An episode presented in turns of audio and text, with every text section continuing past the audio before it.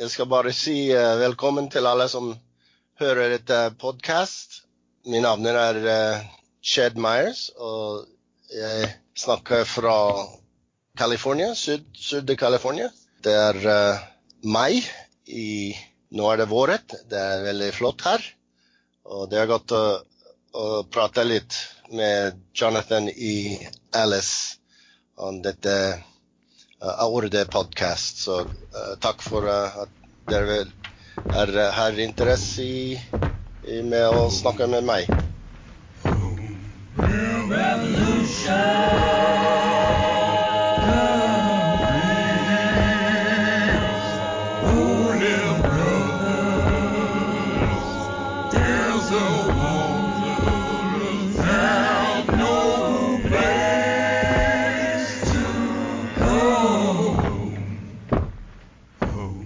Then we'll start off for real. Our first question, uh, just briefly, who are you? Well, as I said, my name is Ched Myers, and I live in the Ventura River watershed of Southern California. That is about an hour's drive north of the Los Angeles metropolis. Uh, here, I live in a small intentional community, uh, and we run a small nonprofit organization that does organizing advocacy and education around a broad spectrum of issues of faith and justice.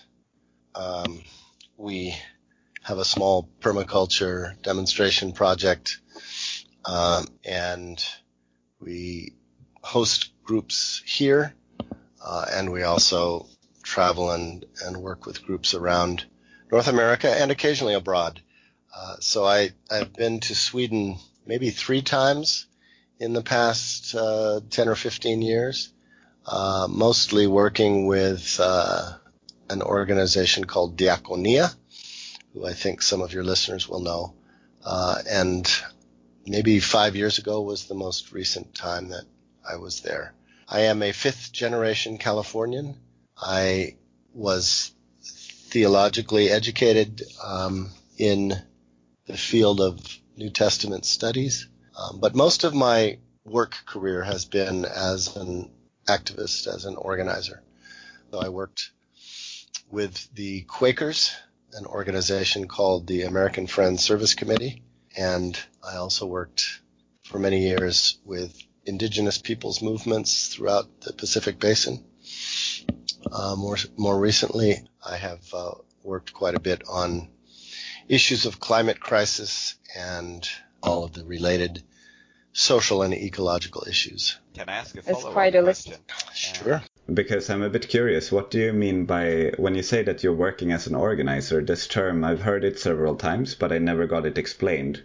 Well, it's probably what you would call an activist. We use the term organizing here because it uh, connotes the process of advocating and ed- educating to build social power to change certain things. Uh, so we we do organizing around food justice, around immigrant rights, around uh, ecological sustainability. Those those those would be the three key areas. But we also do work around labor justice. My wife is a restorative justice practitioner, so we do engage issues of restorative justice, particularly as they have to do with um, healing the wounds of deep historical violations. We're quite involved in, in racial justice education and organizing. So yeah, so so we we primarily engage people in the faith communities, but uh, we also do public organizing uh, as well. Maybe it's or maybe organizer is is a better word than activist. I mean, it's more specific. I don't know if, how it is for you, but in here in Sweden, sometimes activist is a word that is a little bit watered out. Everybody mm. calls themselves an activist, and all they do is you know, I don't know, share things on internet. Organizer is really more specific. Yes. Yeah, we tend to use those terms interchangeably here. We have heard uh, some rumors about you uh, being a kind of anarchist uh, theologist. Uh, why would you think the, that would be? Uh, why are you called this? Well, I uh, am not normally called that, but I suppose I answer to that call. I don't really call myself an anarchist theologian. I would call myself a theologian who is also an anarchist in in my leanings, but I'm really not a professional theologian either. I don't teach at a university. Um, I tend to work more at the popular level. I have followed the, the path of popular education, of putting my services at, at the work of um, building social movements. So most of the theological education I do is uh, with uh, activist groups and organizations who are working for social change in one way or another. Again, most of them faith rooted, but not always. My theological career is probably mostly known through my writing, which I have done as my own discipline of trying to figure things out, trying to reflect critically on, on practice. I guess I've gotten the reputation because so few Christian theologians bother with having conversation with the anarchist tradition. And so there's, there's just a few of us out there. And I suppose, uh, that's why I've been labeled as as one of them. I I was an early advocate, or at least I early on I expressed my interest in the emerging anarcho-primitivist um, theory back in the 1990s, and uh, did some writing on that, and that was picked up on by some people who adopted me as an anarcho-primitivist theologian. Um, but that that really is not a label that I would use of myself. I've uh, subsequently found it necessary to be somewhat critical of anarcho-primitivists uh, who can't seem to really figure out what their practice is. They're they're long on critical theory and short on practice. Um, but that's that's another issue that we might want to take up later. So unfortunately, the Christian tradition theologically has only rarely engaged the anar- anarchist tradition. But there is a thin strand of of that conversation which um, I have always been interested in and continue to be committed to. So I guess that's what has earned me that reputation in some circles. In your introduction, you uh, mentioned some of the work that you are doing and also Bartimaeus Cooperative Ministries. But we were a bit curious about the issues on which you chose to focus. How did you happen to choose those issues? Uh, what were the criteria, so to say? Hmm. Yeah, that's a good question. You know, I think how any of us come to our commitments is uh, often not a linear process. I think we are influenced by other people, particularly by mentors. So that would have been particularly true for me. I actually got into social change work working with the disability rights movement back in the early 70s, 1970s. Disability rights movement was actually birthed in the place that I was living in and attending university at the time up in Northern California in Berkeley. And there I was working as an attendant for physically disabled people and was swept up in, in that movement of in as it was called independent living movement and actually visited an independent living center in Sweden in 1974, I think it was, or 75. After that, I met the Catholic Worker Movement, which was my first introduction to anarchism, Christian anarchism. And through the Catholic Worker Movement was introduced to the radical peace movement. This was at the tail end of the Vietnam War era in the United States. For for the next 5 years I was very deeply involved in trying to name and resist uh, nuclear weaponry as the great as the big sword of empire. In 1980, I attended a conference that was put on by indigenous people throughout the Pacific Basin, Asia and the Pacific. And at that conference, that was a real turning point for me, a real conversion moment because I met and heard indigenous people say, you know, you Westerners, you uh, North Atlantic anti-nuclear activists, you you talk about what might happen if these weapons are ever used. And so you're organizing against the threat of potential nuclear war. But you need to understand that the great powers are already fighting their wars on our land. They are digging uranium on our land. They are um, putting forward military bases on our land. They're dumping nuclear waste on our land. They are testing weapons on our land which means that before nuclear war ever happens, we are already the primary victims of what we call clear uh, imperialism. And so when when are you first world activists going to realize that the war is already happening on people of color? And that that was a that was a real challenge to me. And at that point, I, I really, um, I was persuaded that they were correct in their uh, analysis and experience. So really shifted over to uh, working around issues of indigenous solidarity throughout the Asia Pacific region, including here in the U.S., and did that through the through the better part of the 1980s. And that was a very influential and profound experience for me in which I learned a great deal about colonialism, about white supremacy, about what it means to uh, work with people who by and large continue to be ignored by great political movements. And then I had a sort of another conversion uh, some 10 years later in which I realized I was, a lot of my focus was international and I wasn't paying enough attention to the issues close at hand. And so then I went sort of switched my direction again and went into 10 years of organizing intensively at the local level in which I was dealing with issues of racism, poverty, um, immigrant rights, fair housing, gangs, all of these sorts of uh, typical urban issues in the greater Los Angeles area. And I was very deeply impacted in 1992 by the urban uprising in Los Angeles in uh, April, end of April 1992, which was the largest civil disturbance in the history of the United States, uh, in which more than 50 people were killed and a billion dollars worth of damage was done, and Los Angeles was essentially on fire for three days. Um, this was likely prior to you all being born, I would think. Um, but it was a huge uh, issue for us uh, in terms of realizing the long-term consequences of social and racial disparity and inequity. Um, Is this comparable to uh, the Hurricane Katrina? Well, it, it, you know, it was comparable in the sense that her that, that Katrina was both a natural disaster and a social disaster in which the, the lines of race and poverty really determined who survived and, and who got the attention of the authorities.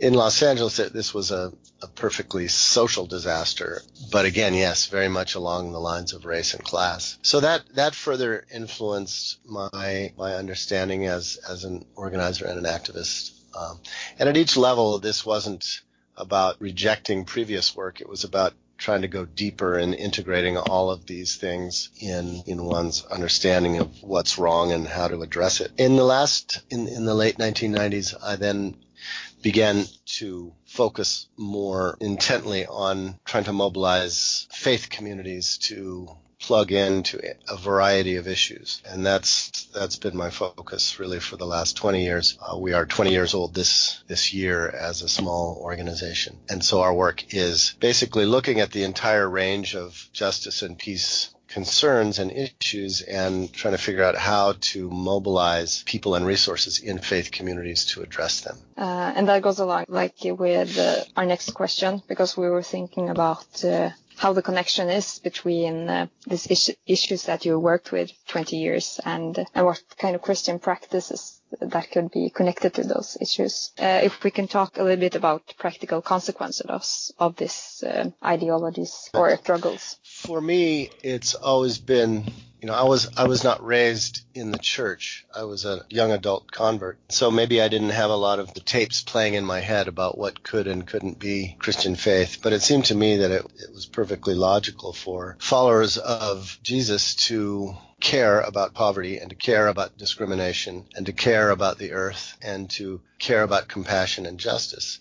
And it it's always been confusing to me why it's so difficult for the Christian church to mobilize itself around those things. So our work focuses on, first of all, trying to help Christians reread their tradition, particularly scripture, but also church history, to reread that tradition through the lens of popular struggles for, for justice and equity, and to find those parts of the Christian tradition which have always been concerned about these things and and to try to move those parts of the tradition from the margins to the center of our understanding of faith to reread the Bible through through that same lens and then to to work on mobilizing. So we have worked very specifically uh, around questions of economics, around questions of nonviolence, around what Martin Luther King Jr. famously called the giant triplets of American pathology, namely militarism, racism, and poverty, and to build capacity around around those things. We like to work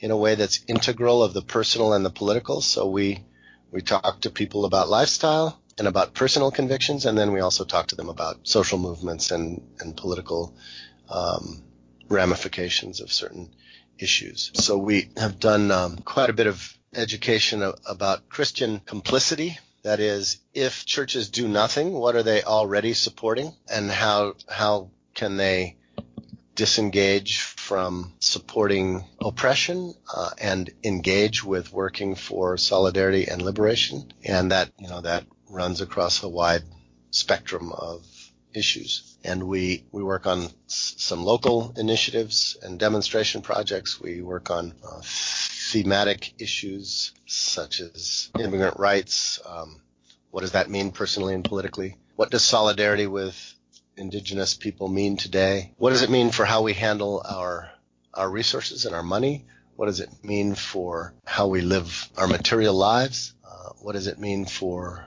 our political engagements in the public sphere? What does it mean for how, how we project our, our, our faith into the public square? These are all questions that we try to engage folk with and, and engage ourselves with. I think it's a really challenging perspective uh, why the church has such a hard time to to deal with these more practical questions and and practical consequences of having a faith. We wanted to move on a bit, uh, maybe a bit more in a theoretical direction, because one of the questions that we wanted to raise is that as anarchists, one challenging question or issue with Christianity is, in a sense, being limited by the rules or the idea of God's authority. How would you look on on uh, this perspective or this issue? Does God limit our freedom? Well, of course, that's an issue that is a thorny one for a lot of ideological anarchists, and and I always try to remind anarchists that um, the word anarchism means without rulers. It doesn't mean without rules. Um, that is to say, we all we all live by rules, and whether that the whether that's the rules of a game um, or the rules of uh, uh, certain social conventions. When we speak language, we're playing by rules, rules of syntax and, and rules of vocabulary. So hu- human beings organize themselves according to these sorts of conventions, whether they're formal or informal.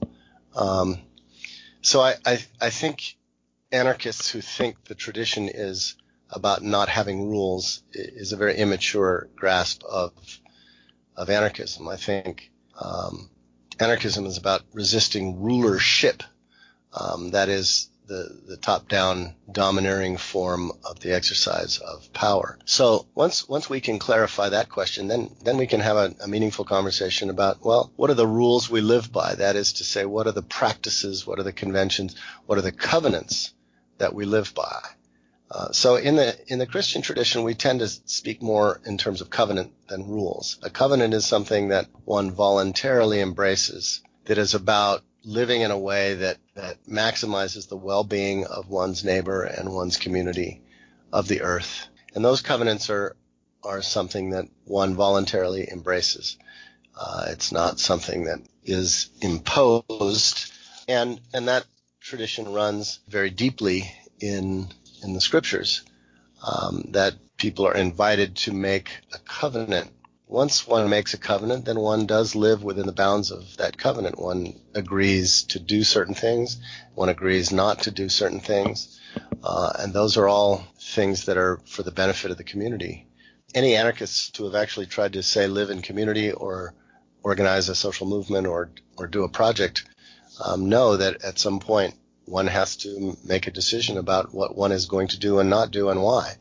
And we don't we don't have to call those rules, but that's essentially what they are. Again, I, I prefer the term covenant. I, I am not a libertarian anarchist. Um, I think the, the strain of libertarianism, which is nobody can tell me what to do, is sort of the ultimate expression of modernist entitlement.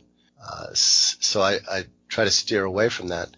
But the question of how we make covenants and most importantly, how we um, manage covenants or how we enforce covenants, that's a, that's a big question for anarchists. And it's also a big question for Christians. Um, what do we do when someone breaks covenant? Um, who has, who has the power, if, if anyone, to enforce a, a covenantal agreement? In the Christian nonviolent tradition, that's that's a difficult question because if we don't rely on the state or or upon church authorities in a hierarchical sense, then how does the community itself uh, respond when when people violate, uh, when people break covenant? Uh, so those are those are very real questions, and they're difficult questions, but they're not questions that Christians uh, have and anarchists don't have. Uh, anarchists have to face those those same questions. How do you, uh, how does one organize a community apart from coercive authority? Uh, that's a question uh, that nonviolent Christian communities also have to uh, answer. The, the, question of, of authority um, is one that is again often misunderstood because it's usually equated with hierarchical power, um, hierarchical ability to enforce. The, the, the word authority in in the Bible is the same word as power. So one has many forms of power, and not all power is dominating power. There's the power of love. There's the power of solidarity. There's the power of um, mutual aid. Uh, there's the power of fidelity. All of those are forms of, of power in the Greek exousia, authority. So in the Jesus story, Jesus comes having great power, and his power is threatening to the authorities. Um, again, that's a play on words. Uh, so it's a, it's a question of what kind of power we we exercise. And uh, I would say that both anarchists and Christians uh, are attempting to exercise power in a way that is humanizing and redemptive and healing. And that's why we end up resisting other forms of power that are harmful and dominating. You know, I'm, I'm very well of the no lords, no masters, no gods slogan of anarchism, and I understand where that comes from and why. It's a particular um, artifact of late 19th century ideological reasoning. But the question is, um, can we move beyond slogans and re-engage these questions? Is it possible to have an idea of God that recognizes divine authority but rejects authoritarianism.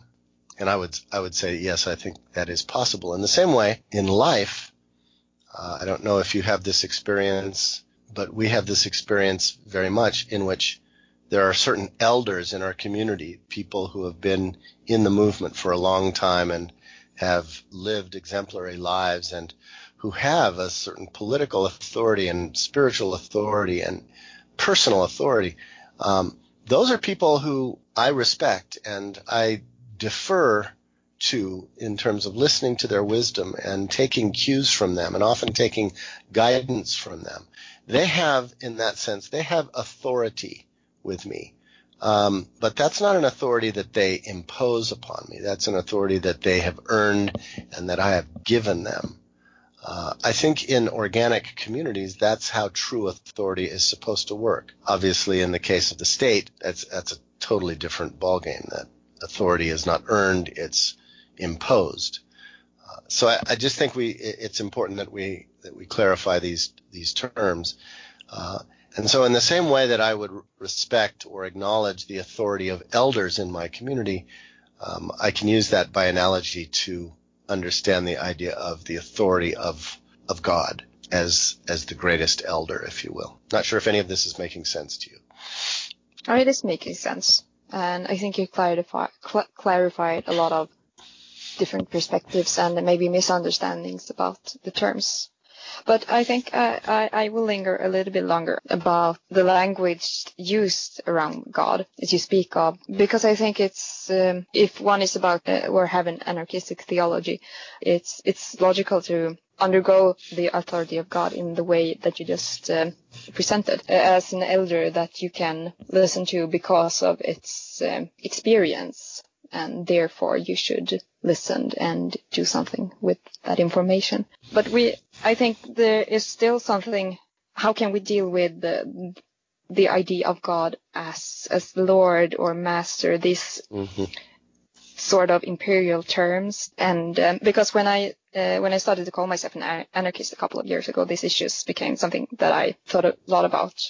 And I know mm-hmm. that in in your theology, uh, you often speak of how Jesus come with a real sort of political alternative and uh, trading the tyranny of Caesar with uh, the kingdom of God. But uh, still, what do we make of this? Uh, I mean, there is a supremacy or sovereign of God also. Isn't that oppressive? Should we rebel against God and or what should we do about this comparisons with the kings? Yeah, language matters and semantics oftentimes are a barrier and we get stuck in, in semantics and yet language does matter. So the the conundrum that we have in Christian anarchism is that in the early Jesus movement, a decision was made to engage the political world of Caesar by engaging Caesar's language.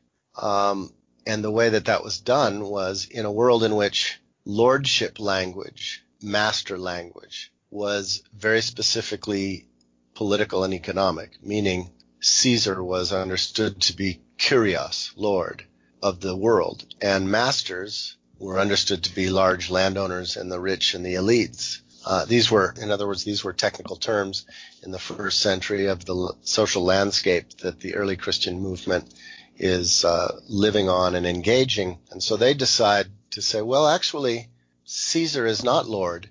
Jesus is Lord. That was a, a tactical decision to subvert the language of lordship by saying this one who precisely rejects the sword. This one who comes riding on a donkey, not on a militaristic horse. This one who gives his life rather than taking life. Uh, this one who stands with the poor as opposed to with the rich. This one is actually Lord. That was a polemical, subversive rhetorical strategy of the early movement. This, this one who frees slaves is the true master. This one who redistributes wealth is the true master. This one who gives priority to the poor is the true master, not the master of the great household, not the absentee landlord. In in that social world, this was a way of engaging. Uh, so a young Christian anarchist colleague here in in the U.S., Shane Claiborne, whose work you may be familiar with, wrote a book a while ago called Jesus for President and he was attempting to use the same rhetorical strategy. Now, that is a strategy actually that anarchists use all the time whenever they engage politically. They will subvert, they will engage political discourse in a way, for example, that says people have the power or um, we will we will occupy this space. The Occupy movement is a good case in point. I know it it had some impact in Sweden seven or eight years ago. At its height, the Occupy movement was an attempt to take over public space. It's kind of the politics of spectacle. But by calling themselves Occupy, that actually was a term that was didn't communicate to everybody. It certainly didn't communicate to Palestinians who live under occupation. Uh, and so it's difficult to find political language that subverts the dominant rhetoric in order to break open space to rethink this. So we, we have this language of, of master and lordship. Unfortunately, within three centuries or so, three or four centuries, that language be- begins to no longer become subversive, but rather legitimating. And so now we actually have Christian lords and Christian masters and a Christian emperor. And now the rhetorical strategy has been completely defeated because now those terms actually have been restored to meaning hierarchy and domination. And so in that sense, if we need to figure out new semantics, new rhetorical strategies, I completely understand that. As long as in abandoning the language of lordship and master, we're not losing the political engagement. So what is the analogy two millennia later to what's the language we can use that can subvert the reign of empire? That's that's a question again. Both anarchists and Christians have to uh, have to figure out. So again, language matters, um, but we can't become frozen by by semantics. So when the New Testament talks about lordship, it is not talking about the kind of lordship that Caesar represented. Is it is talking about its opposite. This rhetorical strategy is rooted in the Hebrew Bible. The Hebrew movement was a slave walkout narrated in Exodus. It was a slave walkout of, of Egypt.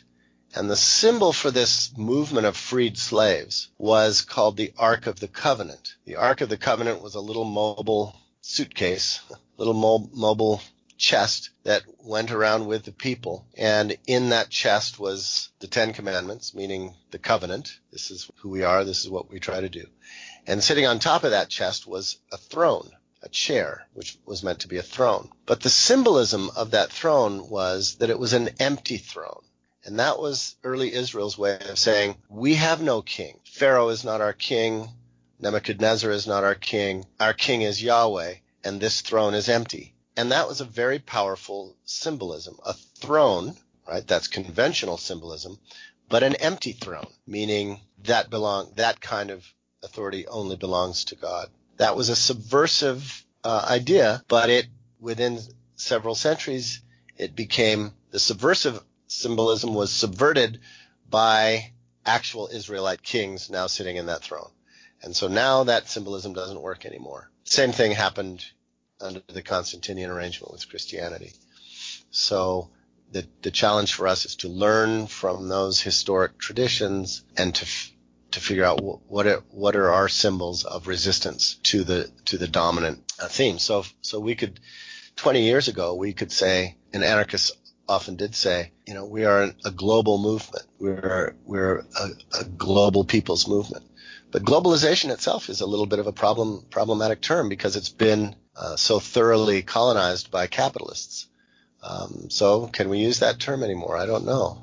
These are the these are the problems of semantics that we have. It's great channels, and thank you for a really good answer to to the question. Uh, we're going to talk a little bit of theological perspectives on radicalism, and I'm sure that we will talk a little bit about what you just said also. Uh, but Jonathan, do you want to continue? Yes, uh, I think it actually ties in quite neatly to the points that you just raised as well. Uh, because the next question we wanted to ask is how can faith and theology be a radicalizing force? And I think in particular, I think it's really interesting that you raised this issue with with um, the generational shift. That's something that has been challenging to power can actually reinforce power as time moves on. In light of that, how can faith and theology be uh, re radicalizing forces that shift us back to the political or the challenging? Right.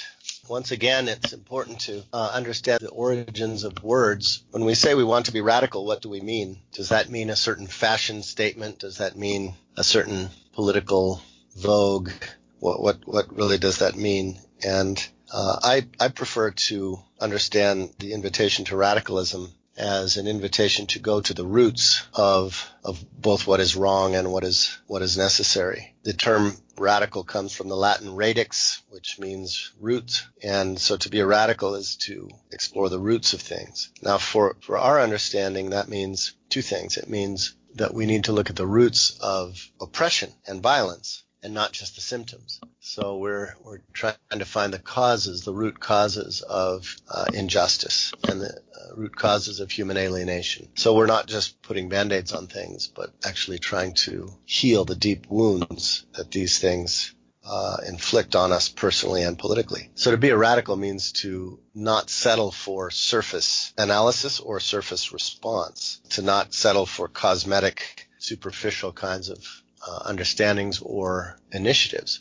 but rather to keep probing deeper all the time. But it also means going to the roots of a tradition of resistance, a tradition of healing, a tradition of justice. And I think that's particularly important for young postmodern anarchists because there's a tendency in postmodernity to just kind of think, well, our generation is, we're just going to kind of invent stuff and not apprentice oneself to an older tradition. Uh, and in that sense, therefore, it, it, ends up being a lot of superstructural posing with uh, cool new language or cool new looks uh, or cool new rituals, but not anything that's going terribly deep. Uh, I believe that, and this is where Christian faith has a lot to offer to anarchist leanings. Is our political culture really going deep? And what deep tradition is it rooted in? Or is it only rooted in kind of our own best thinking or who we've been re- reading lately kind of thing? I think what we're up against is ancient. It's very contemporary, but it's also very ancient. Uh, and therefore we need we need resources and tools that are also very ancient.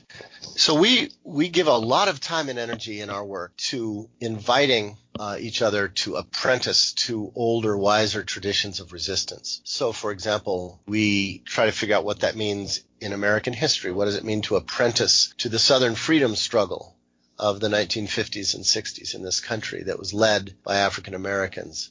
Who are struggling against American apartheid. Have we really apprenticed ourselves to that tradition? Or are we so smug and presumptuous to think that we don't need, that there's nothing to learn from those old activists? That was then, this is now. What did uh, Ella Baker and Martin Luther King Jr. and John Lewis have to teach us, Fannie Lou Hamer, about long-term struggle and sacrifice in their efforts to resist American racism? And then of course we can go back deeper than that. We can go back to the to 19th century movements, right? We we have a lot to learn from the 19th century anarchists, Proudhon and Kropotkin and people like that. What do we have to learn from uh, 16th century radical movements such as the Anabaptists? Uh, and the Radical Reformation? What do we have to learn from uh, medieval movements such as the Franciscans and Waldensians? What do we have to learn from late Roman Empire movement, such as the Benedictine movement, as a movement of resistance um, and cultural repudiation of empire, and and back and back and back. So, to what extent are we going to the roots of our resistance tradition? That's why Scripture is important to us because it is the record of resistance movements that date back two and three thousand years. Imperfect, like we are imperfect, but nevertheless far deeper and wiser than we will ever be. So, so that's what radicalism means. If radicalism means we're trying to go to the roots, then I think Christianity and theology as the discipline of reflecting critically on these traditions has a lot to offer to anarchism, which oftentimes is rather unrooted and untethered in anything older than the latest movement. And of course, this also means practices of spirituality and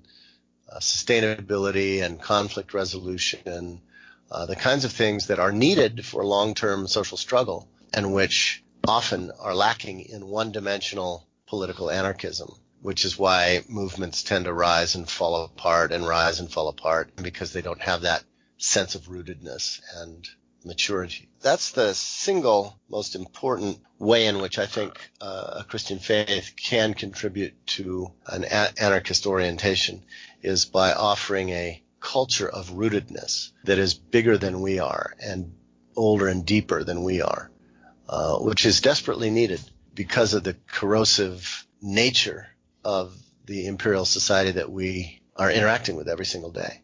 Mm, of course. Then one can also say that uh, maybe the goal of uh, a movement maybe isn't is not to last forever. I can really so, see your point. It's it is crucial that a group can stick together and cooperate uh, as long so they they can can actually achieve some of their goals. But it can also be tricky. You talk a lot about uh, how radicalization through this uh, going to the roots uh, mentality can be uh, something that uh, both the church and the anarchist movement need to learn and, and listen and start to practice from. But maybe I, I think it's hard because um, the position of a Christian person in an anarchist mo- movement is now I only talk uh, from my own experience. If you speak in terms of uh, contributing of uh, one's Christian faith and uh, to try to take that into an anarchist movement, it's, it's hard because um, it can be a hard uh, place to be and because of all the things the church has done, all the history. Uh, how how can uh, what is the contribution of from Christian faiths uh, to the anarchist barricades? Can one do that? Yeah, great great question. This was a question that I was taking up uh, just last week. I was in Charlottesville, Virginia, working mm-hmm. with. Um, uh, anarchist activists who have been resisting the Nazis and the so-called alt-right who uh, took over that town last summer and uh, had that very dramatic um, demonstration on August 12th last year that killed a young woman. And and the Nazis, you know, have decided that Charlottesville, Virginia is going to be their their place to make their stand. And so there's been actually weekly skirmishes between Nazis and the Klan, Ku Klux Klan, and anti-racism activists, many of whom are anarchists. So I went out there to, to work with these folks for a day. And, and what I found was a community that was really beat up, divided internally, um, mutually suspicious, worn out, um, fatigued, uncertain, angry, disillusioned. That's real, right? I mean, you can have a heroic moment at the barricades, and sometimes that heroic moment works and sometimes it doesn't. That is, sometimes it actually causes things to change and sometimes it's ignored or crushed. But life is more than the barricades. And the question is, what do you do the day after the barricade? What do you do with the victims of the barricade? So anarchists tend, tend to be pretty good in the, in strategizing the heroic um, barricade, but not too good um, at the day before and day after question. And that's where I think that that is a point of engagement for Christians. That Christians are in this for the long haul, not just for the short spectacle, and we're we're in it as holistic people, not just as political beings. And that's where we can bring chaplaincy. We can bring a sense of the whole person. What what do you do when the same person who's been a, a great leader on the barricades is also a sexual predator in the movement? Who's who's going to deal with that? Um, what do you do with you know, the young couple who's very committed to the movement, but has just had a child who has Down syndrome. You know, how, how Christians can, can help the barricades is by saying, this is about all of life, uh, not just the barricade moment. It's about how we eat. It's about how we care for one another. It's about how we prepare. It's about how we mourn. Uh, it's about how we deal with loss. It's, it's about how we interact with the adversaries. And frankly, the anarchist movement is, still has very narrow bandwidth when it comes to a lot of those questions. Uh, and I think that Christian folk can engage at that level. Is it easy? No, it's not. And I, Alice, I'm very empathetic because as I said in my narrative of my own journey, the first 20 years of my life, I worked outside of the churches with secular movements. And I know very well the inhospitality of those movements to um, to people of faith, and I understand uh, to some extent why. But I also understand that that's part of the wound, that's part of the impoverishment of social movements, is that they are reactive to experiences of oppressive religion to the extent to which they throw out the notion of spirituality altogether. That's mm. that's changed now. That's changing, at least in the U.S. There's much more openness now in secular circles to spirituality, but there's still very much of an anti-Christian hangover. And, you know, that is what it is. The church mm. has earned it. the church has earned yeah. that, that sort of bad press. But that doesn't mean that we can't just demonstrate with our lives a different way of being Christian. Well, maybe there is an answer to the question in, in what you said, because if uh, you speak of um, how Christians uh, have a long and deep-rooted tradition of uh, these uh, moments in between the barricades, and maybe that is a humble way of both teaching in a in a practic- very practical way the anarchist movement about. Uh, or I don't, I don't know if teach is a good word, but doing these things and, and make a good influence mm-hmm. in a mm-hmm. humble way of just these practices is the contribution and yeah. that is a very non-confrontive way of spreading uh, the kingdom of God. Right. I think I think uh, we need to, I, I, think we need to show a more holistic faith and maybe some people will see it and, and be attracted to that. That's actually the only kind of evangelism that ever really works anyway is demonstrating it in our bodies, in our communities. Talking people into it, no, not so much. That's not so interesting. Um, we don't we don't need to rehash those debates, but we certainly can offer a way of life that hopefully would would be attractive. But uh, if I can add to that, I think we also need that for for ourselves, like as churches or Christian movements or Christian anarchist movements, just to practice that kind of holistic faith with ourselves or for ourselves in the first place. Absolutely, yeah. And that's one of the reasons why in the second half of my life I put more attention into trying to shape these demonstration projects because I realize at the end of the day that's that's the only thing that that matters uh, and that is sustainable is how we live this out in real time, in real places, in real bodies. So I agree even though it seems like we agree of the great, great importance of the in-between period between uh, the great battles and the heroic mo- moments and the barricades, it's still so tempting to ask questions about Christians on barricades. So I will do that and say something about violence. And it's a little bit too simple just to ask if Christian people can do violent things. Is it a sin, etc. But so that is maybe not the question, but participating in maybe if you cooperate with, say, a violent anarchist group that has maybe a violent strategy you know, fighting against Nazi detaching something that destroying something uh,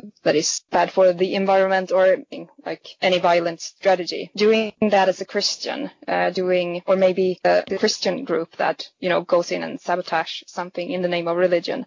Um, how can we think of that? Is violence ever an option? Is it different with the people, property? Can we? How do we think about this? Yeah, well, that's a that's a very live question for our friends in Charlottesville and elsewhere. It's always been a live question for minority communities struggling against racist or class violence. So, so it's, it's, it's a live question and one that people get pretty excited about. In uh, taking up that question last week in Charlottesville, I just tried to remind people that the question is never, we should never reduce the question to essentialism. That is, you know, our job is to be essentially nonviolent in the face of violence because the, the truth is we live in violent systems. We participate in violent structures every day. So it's never a question of essential violence or essential nonviolence. It's always a question of how do we reduce the sum total of violence in a given situation? What can we do to mitigate uh, or reduce violence? And once you ask the question in that way, then it becomes uh, a more interesting question,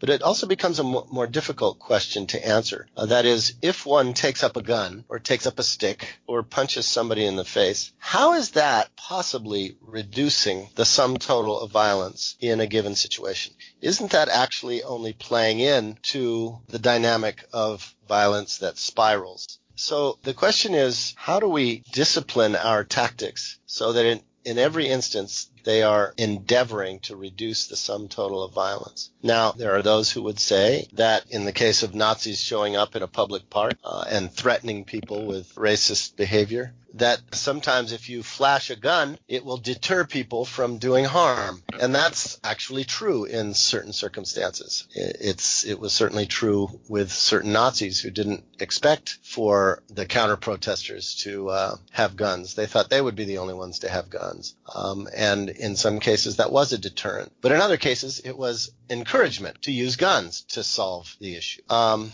moreover, what does it mean that we're appealing to the power of the gun? Because isn't that actually the deeper roots of the problem is the logic of the gun, both symbolically and substantively. So these are the kinds of debates we need to have. I am of the strong opinion that doing physical violence to people never advances the cause of violent reduction. But we have to acknowledge that there are people who see it differently, and sometimes we're going to have to work with these folks. And what does that mean? Um, that we're working with people who see it differently. These are live questions on the barricades, and and questions that we Christians need to to have really wrestled through. Having said that, let me also say, give you a story which I think is illustrative about what Christians can do on the barricades. In 2001, there were um, a number of anti-globalization protests in uh, around the world, uh, and one of them took place in Washington D.C. And uh, it was made up of a wide spectrum of people, but there was there, there was a strong presence of